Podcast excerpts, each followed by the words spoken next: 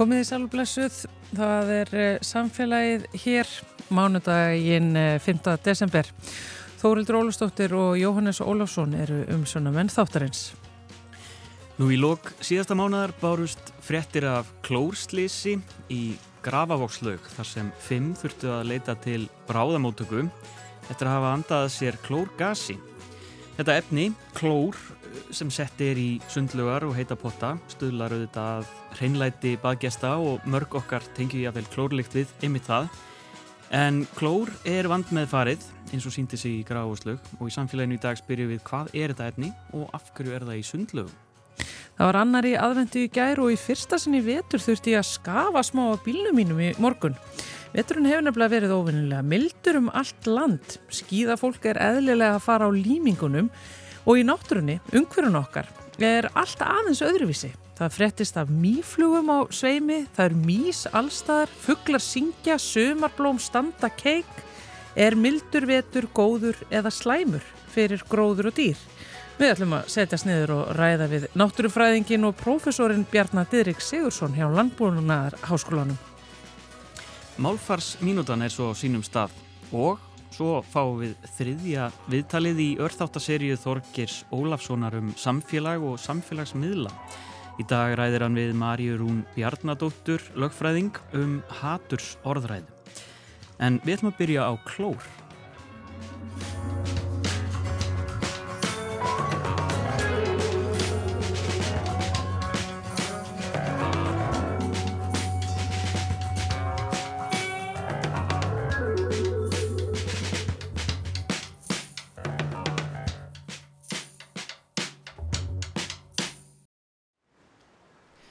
Stattur í Vesturbæjalaug. Hér er eh, morgun umferðin farin vel af stað.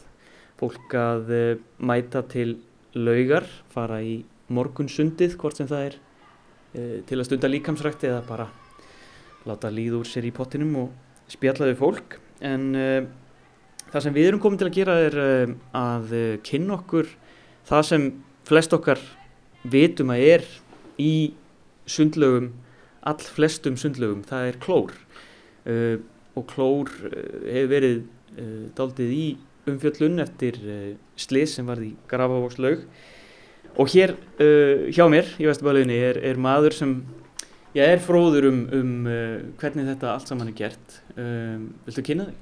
Já, ég heiti Kristján Elling Jónsson og ég sé svona tæknimálinn í sundlögunum og sagt, passa upp á að halda öllu gangandi mm. Við erum náttúrulega með marga lögur hérna í höfuborgarsæðinu og allir eru sjálfvirkar má segja. Það er meðal annars klórin. Já. Já, þetta er ekki þannig að, að þið farið út og, og hellið úr, úr brúsunum onni í vatnið og, og látið þar við sitja? Nei, þetta er, þetta er mjög fullkomir búnað sem stjórnar klórnum mm. og raunar sírust ín í, í, í lögunum. Þannig að við erum með sjálfvirkar búnað sem að passar upp á það að nákvæmlega rétt magna klóru mm. hverju sunni og sírust í þessi rétt þannig að klórin virki rétt. Þannig að það er mjög fullkominn búin að það sem heldur utan á það mm. og það er mér hans mitt og okkar hlutverk tæknum að passa þetta sé rétt stilt og allt í lagi. Mm. En ef sírustíð á vatninu er ekki rétt, þá, þá bara hreinlega virkar hann ekki? Eða? Já, vatni sem við fáum uh, heita vatni til þess að heita lögurnar, það er nú of há sírustíði. Mm. En ef við myndum bara að nota það beint, þá myndur klórin ekki virka. Þannig að við þurfum að gera niður sírustíð svo fara niður í cirka 7,4, 7,2 til 7,6 er segir reglíkjörinn og þá, virka, þá er hámarksvirkni í klórnum. Mm. Þannig að við þurfum að ná því fyrst niður og síðan stillum við klórin af. Mm. Og eins og við eh, mörg okkar þekkjum þá er eh, klórin svona, eh, lyktinn af klórir, við tengjum það við sundlugar og við tengjum það við hreinleiti og þetta er sett úti til þess að stöðla að því að hér í uh, sundlögum uh, landsins sé að þar, þar sem við böðum okkur saman þar sé hreint og, og fínt vatn. Já, akkurat. Þetta er náttúrulega hugsa til þess að er einnig komið veg fyrir að myndast eitthvað bakterímyndin í vatninu og drepa það bakterí sem myndast í vatninu. Mm. Þannig að það er nöðsvöld að hafa klóri sundlögum en hann er náttúrulega mismjönd eftir því hvað er mikið nótkunn, sér heitum pottum er aðeins meiri klór heldur en í, í stórum sundlögum og það er bara reglugjör sem er gefin út sem við fylgjum. Mm og, og hérna, pössum upp á það sé alltaf rétt Þannig að það er bara mjög mikið fylst með okkur á heilbreyðsjöfurðum, mm. að við séum með þetta rétt stilt. Það er tekna mælingar hérna uh, reglulega þannig til að sjá að við séum að passa upp á þetta. Þannig að það er bara mjög mikið örygg í því. En svo náttúrulega erum við líka að fara að nota sagt, nýja tekníungar, þannig við erum farin að framlega klór úr salti sem er mun heilnamara og hefur mjög, mun minna kólumspor. Þá þurfum við ekki að flytja klórin landsveitan á milli, heldur getum við bara framleitt hann á staðinu. Og það er þessi nýja tekní sem er búin að vera, eh, sagt, er eða settir ums í þessum geira og er mjög fullkomið.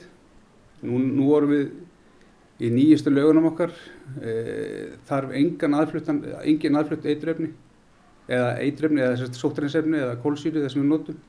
Þetta er allt framleitt á staðinu og það er rauninni bylting. Mm. Það er meðal annars í, í nýju laun okkur í Húlvarsadal, Dalslug. Eins er þetta komið í Árbælauna, þar erum við mjög fullkominn búnað. Í laugatinslaugin og í, í Sundhöllin erum við með búnað sem að framleiða fljótandi klór á staðnum mm. en hann sér ekki um að halda síristínu réttu. Þannig við þurfum enn að bæta kólsýrin í laugarnar það til þess að halda uh, vatninu þannig að það sé hægt að nota klórin. Mm -hmm. uh, en klór efnið er náttúrulega ef það er ekki meðhandla rétt og, og, og hérna, farið, farið vel að því þá geta gerst slis uh, um, þetta er þetta er hættilegt efni. Þar maður ekki að er ekki ykkur svona örgisstaðlar og svona, svona í, í meðhandlun á þessu? Jú, er náttúrulega þegar við fáum inn klórin, við fáum inn klórin hann er settur inn í lokað rými fyrir utan húsið Þannig að hann við komur inn ekkert mikið nálátt klórnum sem slíkum. Hann er bara leittur inn í leyslum. Er hann hættulegu þegar hann er sko, óuppleistur eða 15% klór sem það fá minn. Það er ekki gott að andanum að sér þessu leys en þegar hann fer í lögunar er hann mjög döfur. Þetta er alveg hættulöst þegar þetta kemur út í vatnið. Eða til dæmis verður of mikill klór þá kannski mestalega aflítar hann född eitthvað slíkt en hann er ekkert hættulegur í vatninu því hann er í svo rosalega lári upplöst en auðvitað er klórin sem slíkur ekkert, gott efni til þess að vera sulla með sko. Í réttum hlutföllum er hann góður? Já, já, já, hann er eins og sé, hann er, þetta er bara, þetta er gott efni mm -hmm. og það er að hjálpa okkur að koma í veg fyrir síkingar og annað. Já. Og hvernig seitlar þetta bara inn í lögarnar, eru ákveðin kerfi sem, sem að svona komið svo inn eða er þetta blandað fyrst og svo fer þetta bara með vatninu? Nei, það er sérstaklega, það er bara skamtað inni með sérstaklega skamtadælum sem að bara skamta hægt og rólega bara eftir nótkun mm. til dæmis að það fari margir onni í heitan pott í einu þá eigur hann skömmtununa hann, hann hafi undan. Hann er stöðut að lesa, mælirinn er stöðut að lesa hversu mikill klóri er í vatninu. Mm. við ringar á svona vatninu og hreinsum það jafnóðum. Og þá lesa hann klórin og síristíð og dælir inn efnum til þess að halda alltaf réttu stígi mm. þannig að það er mikill munur á því. Og til dæmis á sömurinn þá notum við meiri klór að því að sólinn hún eyðir klórnum í laugunum. Mm. og þá þurfum við að dæla meiru af klór, bara þess að hafa undan. Þannig að hérna, þetta er allt saman sjálfvirt og, og, og hins og segja þetta er alveg mjög fullkomum búnaður. Mm. Ég heyri, þetta er þetta er svolítið jafnvægislist. Þetta snýst um að að það sé jafnvægi í, í efna Já, samsetningun í, í vatninu. Já, sérstaklega út frá síristíðina því að klórun hefur bara ákveðna virkni á ákveðnu ákveðnu svona í ákveðnu gildi þannig ef, ef, ef, að síristiði fer til þeim svo hátt þá virkar ekki klórin mm. og ef að síristiði fer á látt þá verður vatnin bara súrt mm. og verður ætandi og þannig að það, það, það aðalatrið er að pH-gildi sér rétt þá er auðvitað fyrir okkur að stilla að hafa klórin réttan og hann, við vitum að hann sé að virka eins og ná að gera. Nákvæmlega, þannig að við getum gengið til lögar hérna örugum það að þetta sé að gera gott og, og, og hérna að þessu séu öllu haldið í góði jafnvegi, það er bæði út á tekninu og mönnum eins og þér. Kristján, takk kærlega fyrir spjallið og útskýrða þess fyrir mér. Já, takk fyrir það sem leys.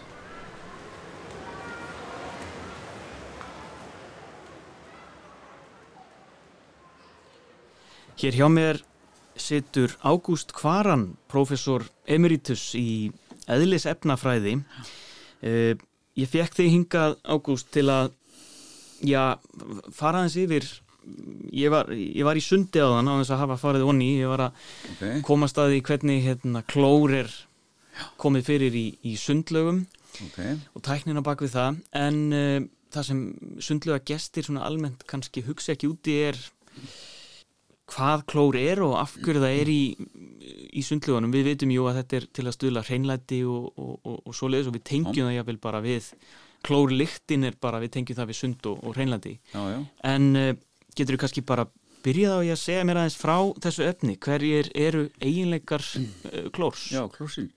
Sko þetta er uh, gætna að kalla bleikjuefni og er, eins og segir, þetta er hreinsi efni sem er sett í sundlöðarnar og uh, það er búin til fyrst einhver svona uh, vökvarlaust sko sem er þá held út í eða, eða set, með einhverjum hætti sett út í sundlöðarnar og það, þetta efni er uh, síra sem kölluð er hypoklósíra. Eða öllu heldur, fyrir ekki efni sem er sett út í er, er sagt breytist í þessa hypoklórsýru mm. og það sem að þetta, þessi síra gerir er að hún smígur innum frumihimnur uh, bakterja og og þegar hún er komið þá inn fyrir frumihimnu og inn í bakteríuna þá, þá virkar hún bara sem síra eða svona veik, veik síra og, og byrjar þá að grassera þar og, og eðilegginga máttur sírunar veldur því að, að örverur eða bakteríu drepast mm. og því, þetta er svona aðal hérna, funksjón, aðal hérna, virknin uh, kló, þessa klór efnis mm. og þessi síra Hún er þessi eðli sko og nafni klór, þetta er, þetta er svo að maður rínir í samindabygginguna og þá er þetta frumefni klór sem kemur fyrir í þessu, þessari síru samind. Mm. Þess vegna er þetta kallað klór. Og hvernig verður þetta efni til? Hva, hva, hvenar svona, hver fólk átt að segja á þessum eiginleikum? Já, altså sögulega séð, mm. það er nú orðið eitthvað langt aftur, ég kann nú ekki að nefna einu ártöl mm -hmm. af viti en þetta er búið, það búið að nota þetta lengi vitað lengi, já, já, lengi vita sko og, mm. og þetta er nota mikið til heimilisbrúks og, og í hérna heitum pottum mm. þá er þetta e, mikið nota sko -hmm. Þannig að þetta, já, þetta er sem sagt aðalega til að drepa örverur og bakterjur, getum við sagt. En hvernig, sko, er þetta, er þetta flókið efni, er þetta myndast þetta í náttúrunni? Eða hvernig, hvernig efni er þetta? Já, sko, reyndar, sko, kló, nei, þetta er nú ekki, þetta er yfirleitt búið til, þetta er búið til sem sagt framleitt á, á, á viðendi vesmiðun, sko, og um, þetta tengist klórgasi að því leiti og það, það er nú, sem sagt, það hafa orðislýs út af því að að hérna undir vissum kringustafum þá getur þessi síra eiginlega umbrist í klórgas og þetta klórgas er, er, það er það sem er hættulegt en, en það er sára sjaldan sem að það gerist og e, bara undir einhvern vissum kringustafur sem, sem að slíkt getur komið fyrir sko. og klórgasið er náttúrulega til í, í náttúrunni en í mjög litlu mæli í andrúsloftinu og er náttúrulega ekki neitt um, en, en þetta er ekki náttúrulegt efni í, þannig séðs mm -hmm. En er það niður brjótanlegt eða sagt, þú veist, að því að nú eru svo dælt út í sundlegarnar okkar uh, hvað verður svo um það? Sko þetta, þetta reyndar uh, sko nú virkar þetta þarna á, á bakterjur og, og örverur og, og þar með svona eiginlega það fælst í þeirri virkni að það eyðist Að, við, við þessa virkni þá smá eðist það og bara sama hátt eins og örverur skólast í burtu þá fyrir rest eða eh, ég veit ekki í sundlögunum en allavega heitum pottum þá er notað svona eh, síjur til þess að reynsa þetta, reynsa þetta burt. Þannig að þetta eh, sjálf sér skólast þá bara burt uh, ásand með uh, dauðum örverum getum við sagt sko. mm. og, og þetta er þess, þetta eila bara skólast út sem svona jónir eða, eða söllt í vasslösninni og um, er nú ekki, og þetta er nú í fyrsta lag auk þess er þetta í mjög litlu mæli í hérna yfirleitt í, í nótkunn kosteldur í sundluðum eða heitum pottum sko, mm þannig þetta er ekki stórvægilegt magn sko mm. Þetta verndar okkur eins og segir fyrir já, ímsu sem að ímsu öðru sem finna má í vatninu. Um, en er eitthvað sem þetta gerir ekki sem að sko svona eiginleikar sem að þetta hef, hefur ekki og, og getur ekki gert sem að er svona væri samt ósk, ó, æskilegt eða þannig, í, til dæmis í sundlug Já, svo beinir að það, það vanti einhver önnur eh, Já, væri, væri einhver önnur efni sem sko, væri hægt að nota, sem hugsanlega væri hægt að uh, Já, jú, eflaust má það sko, það, það er ekki annað en að nefna bara til dæmis sko, áhrif, sko, áhrif, áhrif þessa bleikjöfni sem klós eru þessi sem ég var að lýsa. Svo eru íms önnur reynsefni og það tökum bara sápuna til dæmis. Mm. Að, hún náttúrulega sem við erum að nota í, í allavegna í störstónum og svona áðunum fyrir mjög sundluðina og auðvitað smittast eitthvað því með, með fólki í sund. Þetta hefur, þau, þau áhrif eru annars eðlist, þau, þau meira svona hrifsa í burtu óhreinindi og jætnir geta hrifsað í burtu hérna til dæmis allavega veirur það tala um að geti hrifsað það í burtu þannig að virkni sápu til dæmis allt annars eðlis heldur en, heldur en virkni bleikjöfnis mm. og svo eru náttúrulega því að talandu um, um þessi svo mikið verið með þetta í umræðinu í sambandi við hérna COVID-veiruna mm. að við sprittum hendunar Já og þá er virkni spritsins sem vissulega gæti verið einhverju leiti í, í, í vatni um, hún er alltaf enn annars eðlis. Hún, hún eiðilegur eiginlega ytraborð veirana og, og, og, og eins hérna hugsalega uh, bakterja mm -hmm þannig að er, þessi, virkni þessari efna er, er allt annars eðli sko. Þannig að því leiti er, er bleikjöfni sko að þú spurður hvort að það væri eitthvað sem, sem það gerði ekki Já. það gerir ekki þessa hluti. Nei, en þessi, þessi þrjú efni sem þú nefnir það, það er sábann og, og sprittið og svo klór. Og svo klórin, þetta er svona grunn eh, eiginleikarnir eru alltaf að rjúfa varnir þessara fyrirbæra sem við viljum verð okkur já, já, fyrir, það eru bakteríur og veirur og... það má eh, segja það mm. pluss það kannski að, að reyndar sápan sko, það er það líka bara óhreinindir, fýtuefni mm. og, og annað slíkt sem að sem sagt, að því að við varum að tala um áðan að, að sápan virkar eiginlega að hrifsa í burtu slík efni mm -hmm. og það er þá orðið spurningum eh, virkni sápunar uh, á þessi, þessi fýtuefni til dæmis og ég tekja sem dæmi sko. -hmm. þannig að, já já, þetta er mjög fjölbreytileg áhrif sko, sem þarna er á ferðinni Já, en uh, aftur að klórnum það, uh, eins og með flest efni það, það þarf að meðhendla þau uh, rétt og, og, og varlega það getur auðvitað stafað hætta af klóri ef hann er meðhendlaður ránt eða já. Uh, kemst í vissar um, svona aðstæður mm -hmm. hvernig getur klór verið hættulegur okkur?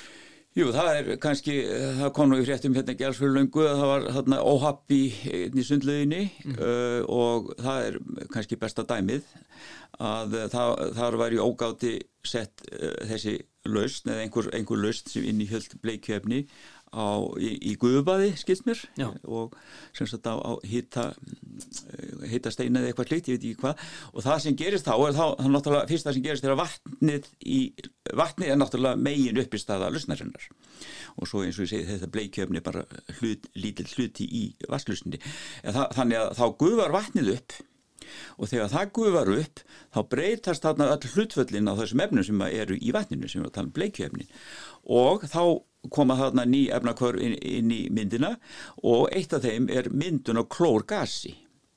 Og klór, sagt, og, og þannig erum við aftur að tala um eh, sagt, sama nafni, það er að segja að þetta er frumefni klór sem allt í hennu uh, myndar þetta klórgas sem er reyndar uh, út í það er farið, það er tvíatomomólekúl mm klór, klór 2 nema hvað, að það, það er eitthvað sem ríkur þá upp á, með svipum hætti eins og bara vatsgufan og það er orðið eh, verulega hættulegt fyrir manniskina vegna þess að þegar, þegar þetta sagt, ræðst á öndunafæri og í vestafalli næra komast nýri lungun og, og það sem gerist þá eru, eru uh, áhrif þar, þar sem klórin eiginlega nær aftur að komast í raka það er, það er nú raki í öndunafærunum okkur og, og lungum og leysist þá þar upp og myndar síru bæði þessa síru sem að ég var að tala um áðan og er, er hérna eh, eiginlega eh, bleikjöfni áhrifa eh, efnið í bleikjunni en auk bleikjöfninu vildi ég sagða það og hérna auk þess uh, sterk síra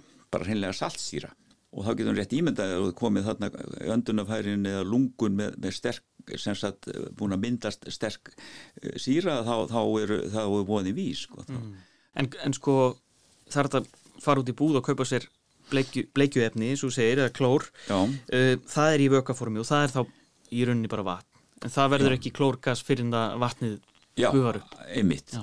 og sem betur fyrir enn náttúrulega eins og ég sagði áðan þetta er náttúrulega, þetta er mjög þunna lausni þar að segja, þetta er, þetta er ekki sterk það er ekki mikið að bleikju efni í vatninu þannig að um, þetta það er náttúrulega óv uh, það eru til dæla mjög litlar lítil hætta á því að, að klór fara myndar nema náttúrulega undir svona kringustæðu þessu hent á, á já, sjóð heita steina eða, eða, eða hitta kerfi í, í guðböðum og þá náttúrulega getur þetta gerst. Uh, nákvæmlega hversu mikið uh, myndast í, af, af þessu klókas ég veit ekki, það fyrir eftir aðstæðum náttúrulega og hitta og öðru slíku sko. En uh, ég var stattur hérna í, í Vesturbælauginni í morgun og, og, og uh, þar fekk ég svona tilfinninguna að þetta snýrist já, eðlilega um jafnvægi. Magn efna gagvart öðrum, þetta, þetta þarf alltaf Já. að tala saman. Akkurat. Og, mikið talað um sírustig vassins, að, að sírustig vassins þyrft að vera ákveðið svo að klórin virki á réttan hátt. Akkurat, það er bara, það er einhver, einhver lína sem, sem verður að fylgja svo þetta, virki allt rétt. Já, og það er sko, það, það, það er akkur spurningum þessa, þessa hypoklórsýru sem ég var að tala um hann í upphafi, sem er virka sagt, gegn, gegn, gegn bakterjum og örverum, að, að til þess að það komist, til þess að þessi síra komist inn í bakterjurnar, þá þarf, uh, þarf það, það þurfa aðstæðunar að vera þannig að, að sírustíið sé, já, hvað ég segja, til tölulega hátt, það, er það talaði um að sé æskilegast í kringu 7,2 til 7,3 pH fyrir þá sem þekka, þekka hvað það er. Það er allavega mæli hvarði á, á, á, á sírustíð, þannig að undir þeim kringustæðum þá er eru æskilega aðstæður fyrir, fyrir sírunum til þess að komast inn í bakterjöndar mm. það er málið. Þannig ef að, ef að sýrustíð frábriðu þessu þá er svona já bara aðstæður óæskilegri að, að þessu leiti og það er aðað skýringin og þess vegna er það sem er gert í sundlugunum er að það er sem sagt tryggt að, að sýrustíð sé sem næst þessu á þessu billi svona cirka 7,2 til 7,3 uh, pH er þetta kallað og uh, já, í, í, í þessum, þessum tilgangi hreinlega að, að hérna, tryggja sem bestar aðstæður sko. Já, akkurat. Það eru þessar aðferðir sem að halda okkur uh, hreinum og heilnæmum. Uh, er þú stundar í sundlögarnar mikið sjálfur? ekki, ekki mikið en svona einstakka sinnum og, og svo notaði ég potti minn Já, náttúrulega. akkurat. en jú, jú, og sérstaklega hér á árum áður þá fór ég, fór ég meira í sundlöðunar og, og sérstaklega þá samlaði ég nú bara í heitapottinum en sindur ekki mikið Já, það er notalegt. Já. Ágúst Hvaran, takk kærlega fyrir að koma til okkar í samfélagið og, og segja okkur allt um, allt um klór og, og, og bara njóttu dagsins. Já, takk fyrir kærlega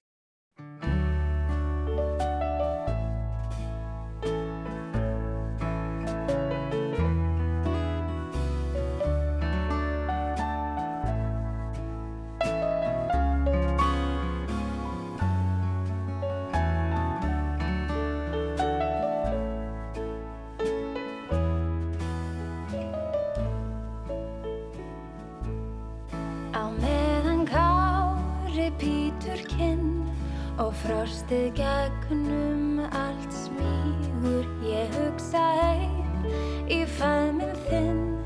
Og sé í huga mér ljósin hríðin blindandi og grimm. Ég hef týnt öllum áttum jólanóttin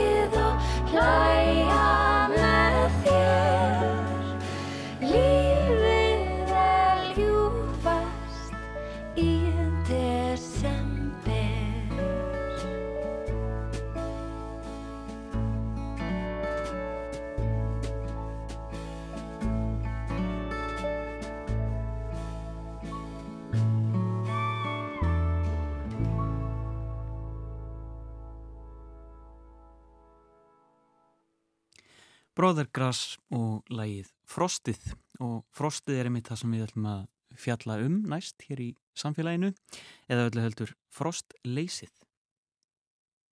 Það var annar í aðvendu í gær en það var ekkert úti við svo sem, sem myndi á það. Það er búin við að vera einmuna blíð. Viðri er held ég að óhætt að segja það sem af er þessum, já, svo kallaða vetri.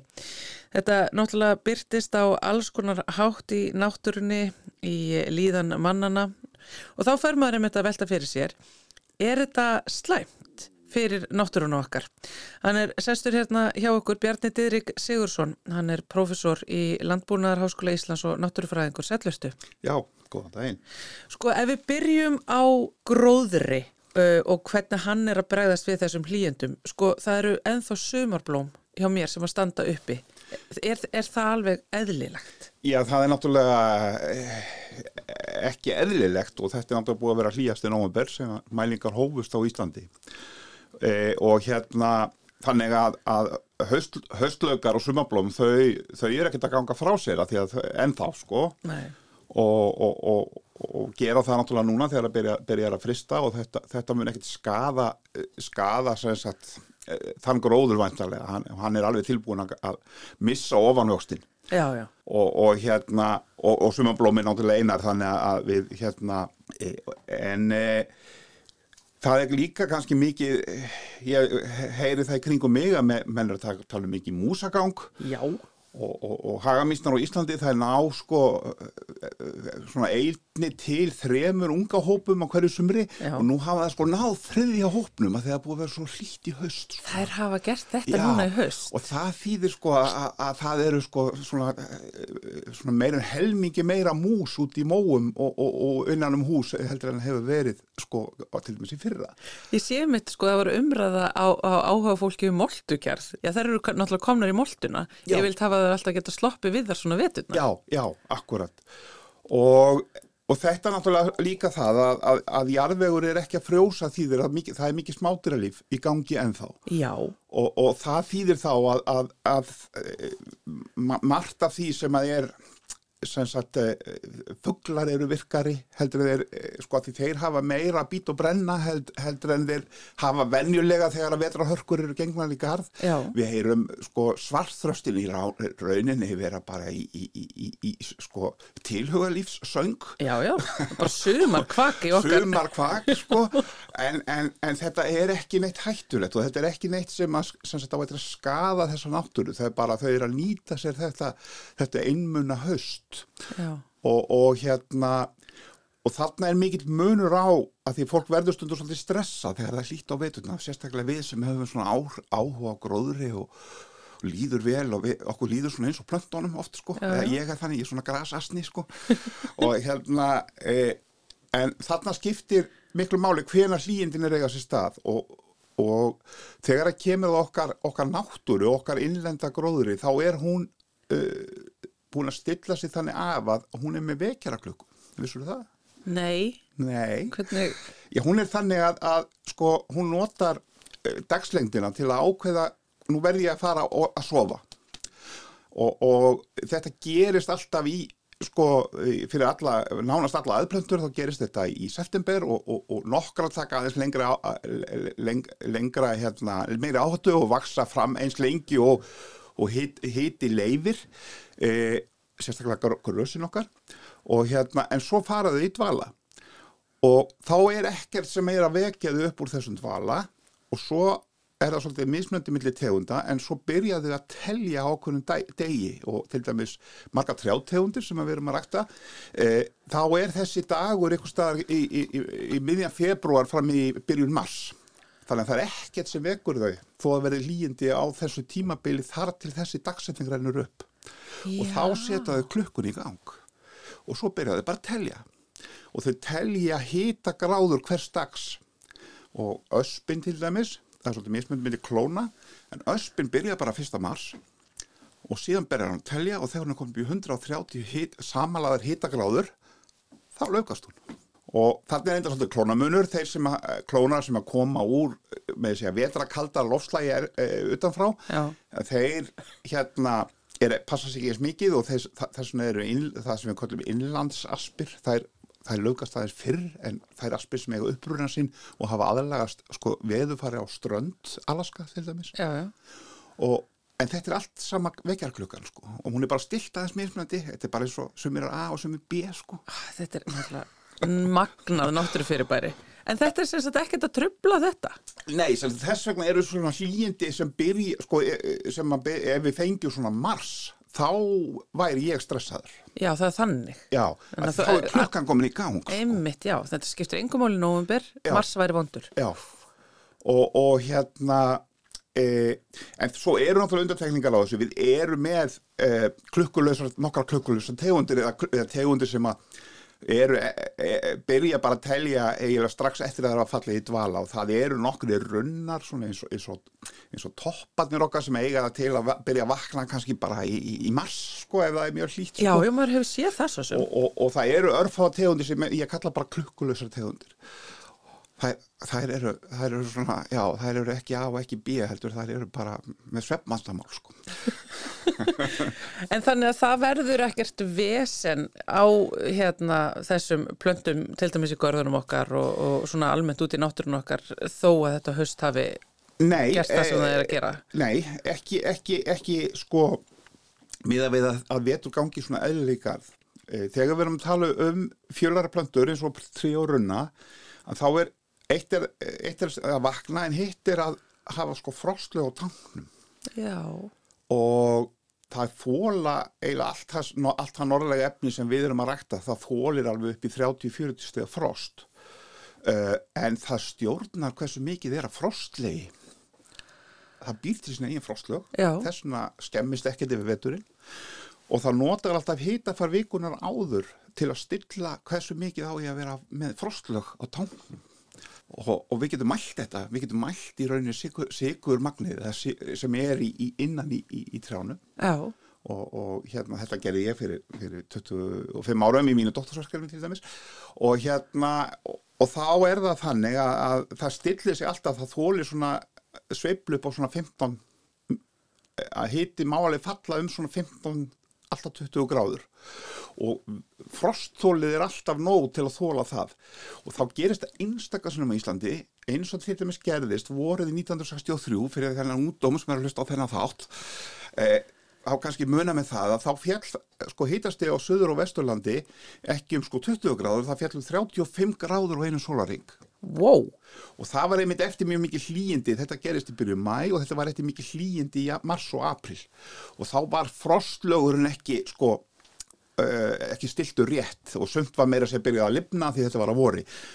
Og, og þá geta orðið mikla skemmtir en, það, en þannig að það er mikið hlýjindi löng hlýjindi þá minka frostólið og, og hérna e- en þetta en það er svona gerist einu svona á hverju 50 eða 100 árum að við fáum svo, svo, svo skarpa kólnun. Já, það sem á þá getur eitthvað dreipist. Já, og, og, og það er í rauninni þegar við erum búin með löngklíindi svo núna mm, eiginlega allt er í dvala en það er ekki með alveg hámas frostþól Já, já, en að þetta gerist hins vegar sko er eiginlega nánast engin hætta líkundir er mjög litlar að við verðum komið með hérna 25 stiga frost sko í þessari viku það er reynda spáð sko að það fari alveg niður í 7, 8, 9, 10 gráður en það er allt í lagi sko Já, það er alltaf leið. Já. Já. Herru, þetta er náttúrulega gott að vita því að maður er náttúrulega hefur áhyggjur uh, af því þegar náttúran einhvern veginn fer svona pínulut og skjön eins og, eins, og, eins og þessi svokallega vetur einhvern veginn, hvort að hann gæti mitt verið með þessi er út í allt í sko, kringu ég- sig. Lífið er ég alltaf þannig sko, ef það- er of gott þá hlýtur maður, að hefnast fyrir það eitthvað til maður setna. Það er eiginlega pínlítið það sem að maður svona velti fyrir. Þetta er búið að vera svo skrítið að mörgu leiti. Ég var að veiða dortingul úr eldusklukkanum hjá mér. Já, Veist, í þessu skamdegi að reyna veist, að, veiða sko, skordýrinni hjá Já, sér. já. þetta er mjög skrítið, kötturinn minn er í, í tómurugli. Já, já, bara úti, úti í fuglum og já, einhverju. bara og Já, er já. úti yfirleitt er hann, hann sko við, við opnin á þessum tíma ár sko. Um, og ég eiginlega að segja líka að, að ég, ég alveg kann mjög vel við þetta. Ég meina það er búið að vera dásamlegt veðufar og bara gott að fara út eftir vinnu í, ljósaskiptunum og það er bara svo hlýtt og indislegt sko. En eh, þannig að þetta, er, þetta hefur alveg haft áhrif líka held ég á sko geðslag okkar og upplifun okkar á náttúrunni. Ég hérna, ég bý nú sjálfur í Árborg og, og, og, og keiri yfir helli, helliseiði á samt svona 3-4 öðrum félögum mínum. Og hérna auðvitað líður okkur sem búum út á landi og þurfum að fara yfir svona eh, yfir erfiðari, erfiðari leiðir að, vel að okkur líður vel með, með þessa en ég verð nú samt að segja það að ég kann nú alltaf mjög vel við snjó á þessum ástíma af því að það lýsir daginn svo mikið upp Það er vissulega rétt, já. og, og, og það fer í fólk að þurfa að skafa og, og að vera stressað í hálku en, en, en ég held að ljósið sko skipti líka miklu máli fyrir okkar, okkar, okkar geð, geðveiki og geðslag Já, þetta akureyringar ta- tala einmitt mikið um þetta því að þar hefur náttúrulega hérna, snjóað mikið Já. Og, og eru þessar fallegu svona froststillur Já. sem hafa einmitt mikið ár, áhrif á bara skapið og svo koma þeir hingað hérna suður og finnst allt vera grátt og ömulegt og verða Já, já. bara að finna fyrir skamtiðistunglindi þó að þeir séu norðar heldur en hérna, hérna hér höfuborgarbúar Þannig að ég, ég, ég segi það, en hins vegar, já, varðandi svona þessi hlýjindi, ég veit að bændur, þeir eru, þeir eru ekki, e, e, þeir, þeir eiga eftir að njóta þessara hlýjinda, við, við vitum til dæmis það að, að, að spretta í túnum þegar það er hlýtt í, í, í, sko, frá, frá, í oktober og november, að þá þurfa bændur ekki að bera eins mikið á næsta ár. Er það virkilega? Og, og það, og þeir sjá bara, þeir, þeir Já. bara fram á að geta sparað. það er nú ekki slæmt í þessari sko, í, í þessari, dýrtíð sem er að verða núna til dæmis á áburði þannig að nú, nú, eru, nú eru bændur sko, að- að- að- að að geta reikna þetta í krónur og öyra og þetta er eitthvað sem að við höfum hérna tölulegar upplýsingar um frá alveg allar síðustu öld bara skoðað hvernig veðufar eh, árið áður er og, og, og frá september og fram í mæ og þá sjáum við það að, að, það getur að það er algjörlega línulegt samband. Því heitara sem er í oktober og november að, að þá verður meiri spretta næsta ár og einn þriðji af aukiri sprettu útskýrst á þessum ástíma og, og, og svo er, er tveir þriðji og hversu hlýttir að, að mið, miðvetri og svo vori þannig að og það menn telja þetta og ekki telja heldur við, við, vitum það að þetta er í rauninni að því að við, nú er allt í gangi í jarðveginum en þá það eru næringarefni að losna sem eru er svo tilbúin fyrir gróður næsta vor. Staðin fyrir að það væri orðið frost þá er allt komið í dvala og þá þurfa bændur að bera meira á að því þá er ekki eins mikið til staðar í. Já. En maður hefur líka einmitt sér sko að, að hérna eh, fólk í gyrðingavinnu bara hérna Já, já. núna í síðustu viku já, það er líka mjög skrítið það er sko komin aðvenda Já, já. þannig að það er einhvern veginn líka þó, þó að bændur hafi dottið í, í, í lukkubóttin hvað þetta var þar þá eru líka náttúrulega að sinna einhverju störfum sem að þeir hafa ekki geta gert áður á þessum ástíða Já, já, algjörlega. En það er reyndar sko, við erum náttúrulega, þetta er óvinnum hlýtt en við erum líka búin að vera að horfa á eh, haustin hlínan mjög mikið eftir 90, eftir 1990 síðustu 30 árum erum við að sjá þetta. Og, og veturni líka og, og, og þetta er að breyta mjög mörgu hjá okkur, til dæmis sko, nú frýs jarfiður hér á, á, í lásveitum Suðurlands til dæmis, hann frýs ekki á veturna á hverju ári. Nei, og þetta er náttúrulega gríðarlega breyting frá því sem áður var sko. og, og, þetta hefur heilmikil áhrif náttúrulega á, á margt sem að, fyrir þá sem er að fást við að- vinna með landsins, landsins gæði, eins og maður segir. Og meira jákvæmt heldur en neikvæmt. E, þetta, þetta hefur meiri, ennþá meiri jákvæði en, en neikvæð áhrif. E, það sem við fáum náttúrulega e, á móti er að það, það, við höfum líka upplifað það að það, þiðnar og vorar fyrir náður Já. Og okkar náttúra var löngum þannig að, að sko að jarfegu fröys og það var, það var snjór á, á landi við vetuna og svo bráðnaði þetta alltaf vorin og þetta fyllti upp vassforðabúrin í náttúrunni í, í jarðveginum.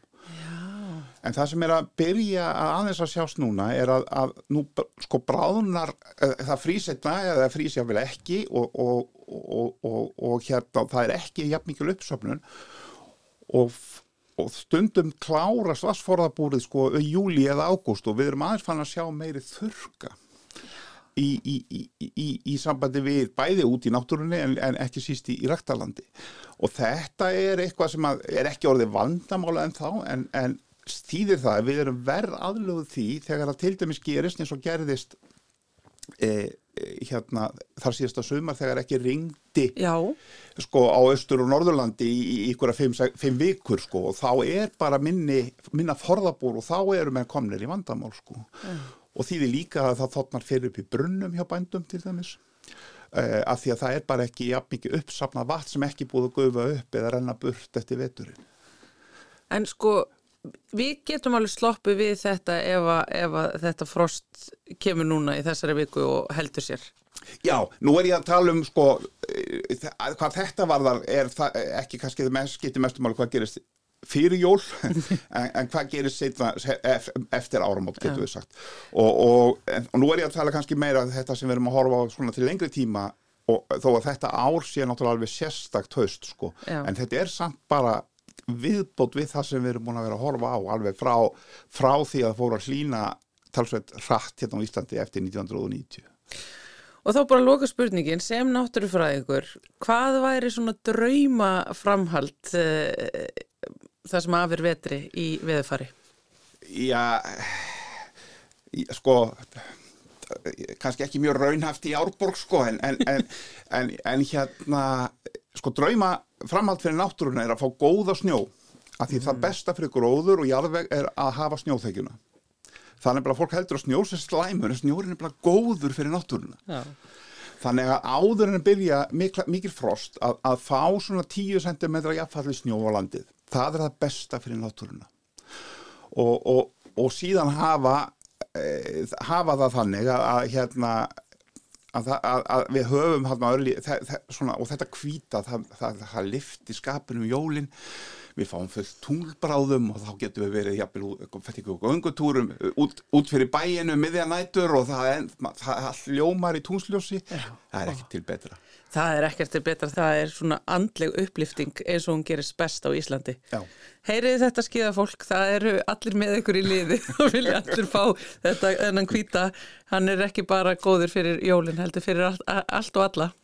Bjarni Didrik eh, Sigursson, professor og náttúrufræðingur eh, hjá Landbúnaðarháskóla Íslands. Takk hella fyrir að koma inn í samfélagi og spjalla við okkur. Já, heyrðu, mín var ánægin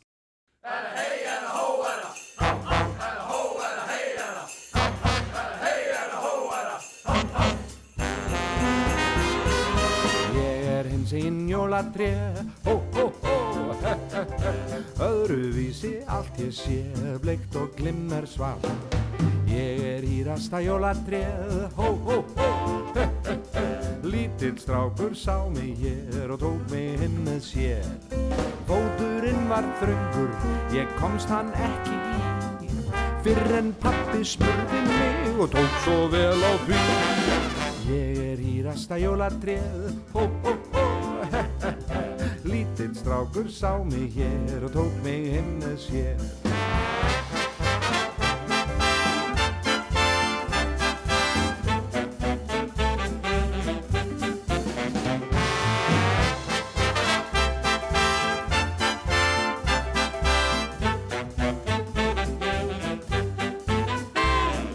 Síðan hann mig skreikti og stjörnu toppin á En helst af öllu langar mig Diskókúlu það Og ég er glampandi jólartréð Hó, hó, hó, he, he, he. Skínandi og smáfríti Er. Það ljómar vel af mér.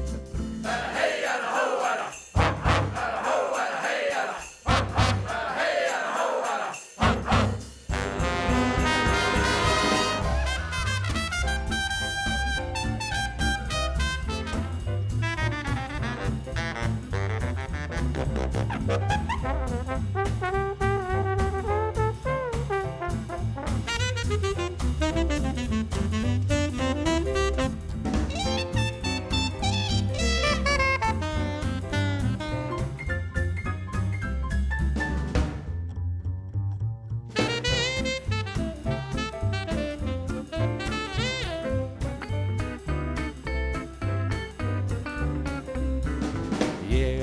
flottasta jólatréð, hó, hó, hó, Sérsniðin ég alveg er hver sentimetra af mér. Ég er hýrasta jólatréð, hó, hó, hó, Að vera svona jólatréð er ekkert háð og spér. Og síðan eftir jólin er mér kastað út á stjætt. Kannski á táinn manni mig því að ég er ekki rétt. Ég er hýrasta jólatréð, hó, hó, he, he, he. Bleikt og glimmer jólatréð, alveg dundur svart.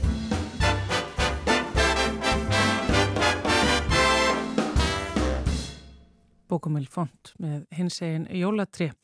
Hér á eftir mun Þorger Ólason taka við uh, og halda áfram með sína örþáttaserju um samfélag og samfélagsmiðla. Þetta er þriði þáttur og hann ræðir að þessu sinni um hatursorðræðu. En uh, áður en Þorger tekur við, skulum við fá eins og eina málfarsmínútu.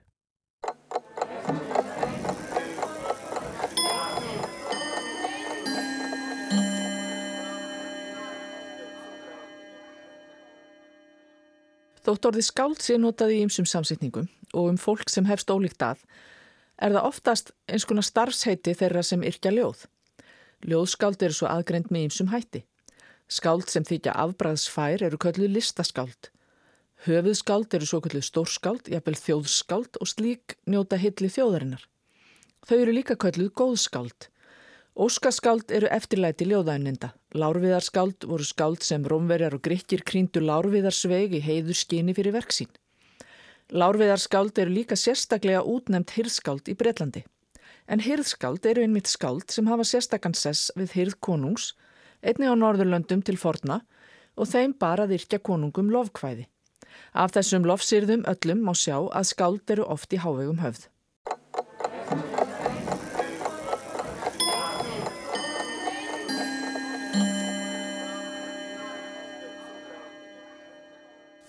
Í dag ætlum við að ræða það sem margir telja alvarlegustu neikvæði áhrifin af samfélagsmiðlunum en það er hattursorðræðan og hvað er átt við með þessu hugtæki. Við ætlum að byrja að skilgreina hugtækið og hinga er komin Marja Rún Bjarnadóttir lögfræðingur og verkefnistjóri Stafræns ofbeldis hjá lörglustjóra. Vertu velkomin Marja Rún. Takk. Eða að byrja því að reyna skilgreina hvað eigum við með með hatturs orðræðu. Já, það er alveg, það er, það er góð byrjun. Um, ég hef sjálf yfirleitt notað hugtakið hatturs tjáning. Ég, mér finnst hatturs orðræðu mjög hátileg nálgun. Mm -hmm. Norðmenn til dæmis tala um hatturs tal, bara hattprat og svona gerir þetta einhvern veginn minna eh, flúrað finnst mér með þeirra nálgun. En þegar við tölum um það sem við talaðum sem hatturs orðræða, að þá er ekkit ein alþjóðleg um, skilgrenning en það sem að allar þessar skilgrenningar hins vegar eiga sameinlegt það er eiginlega svona þrýr þættir það er og verið það að þetta getur verið hvernig tjáning sem er hún getur verið hvaða formi sem er uh, og hún beinist að einhverjum tildeknum einstaklingi að hópi vegna þess hvernig viðkomandi er. Og þá eru yfirleitt talin upp eitthvað svona enginni en þau eru mismunandi eftir skilgrinningum en það er sem sagt þessi svona enginni einstaklingsins eða hópsins sem er ástæðan fyrir tjáningunni. Og svo er þriðið þátturinn að tjáningin sé þannig að hún sé sett fram með um, hætti sem að gengur miklu lengra heldur en bara eitthvað svona mógun eða óþægindi eða eitthvað svoleiðis. Og þar hefur til dæmis í um, svona mismunandi hvernig það er sett fram stundum með hérna með um, eitthvað skonar hótunum eða eitthvað svoleiðis. En, það eru mismunandi í launinu svona alvarleikastig sem eru um, sem er viðmiðið í þessum ólíku skilgringum en þetta eru svona þessir þrýr þættir sem að enkenna um, hattstjáningu. Og það verður að vera fyrir hendi einhver þá ásetningur sem að hjá þeim sem að, að tjá sem með þessum hætti ásetningur um einhver aðgerði eða hvað líka eða að sem sé að, að hattustjáningin leiði til einhvers eða hvað.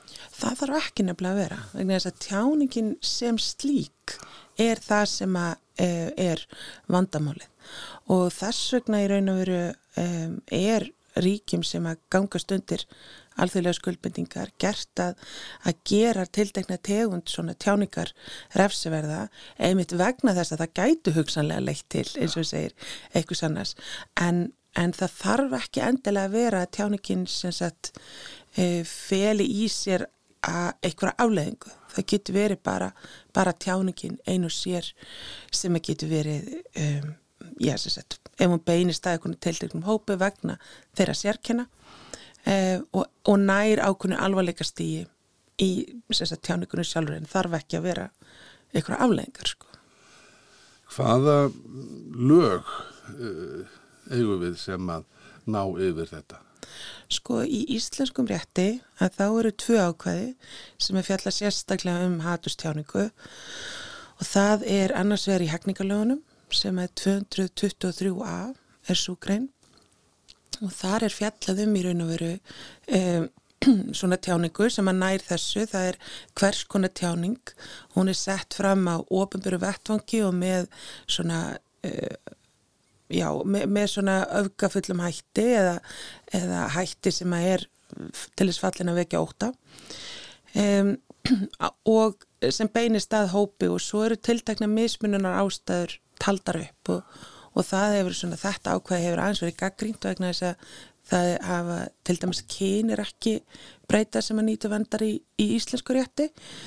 Um, og síðan er annað ákveði sem að er í fjölmjölulegunum sem að fjallar um sagt um, mögulega ábyrð fjölmiðils á því að dreifa hatri um, eða kvartningu til ofbeldis en þar þarf í raun að veru til þess að sá, svo uh, grein virkist að þá þarf tjáningin að vera sagt, um, með margu sem hætti og, og það er til dörlega svona hár þröskuldur þannig að það er ákveð sem hefur ekki mikið reynd á í framkvæmt.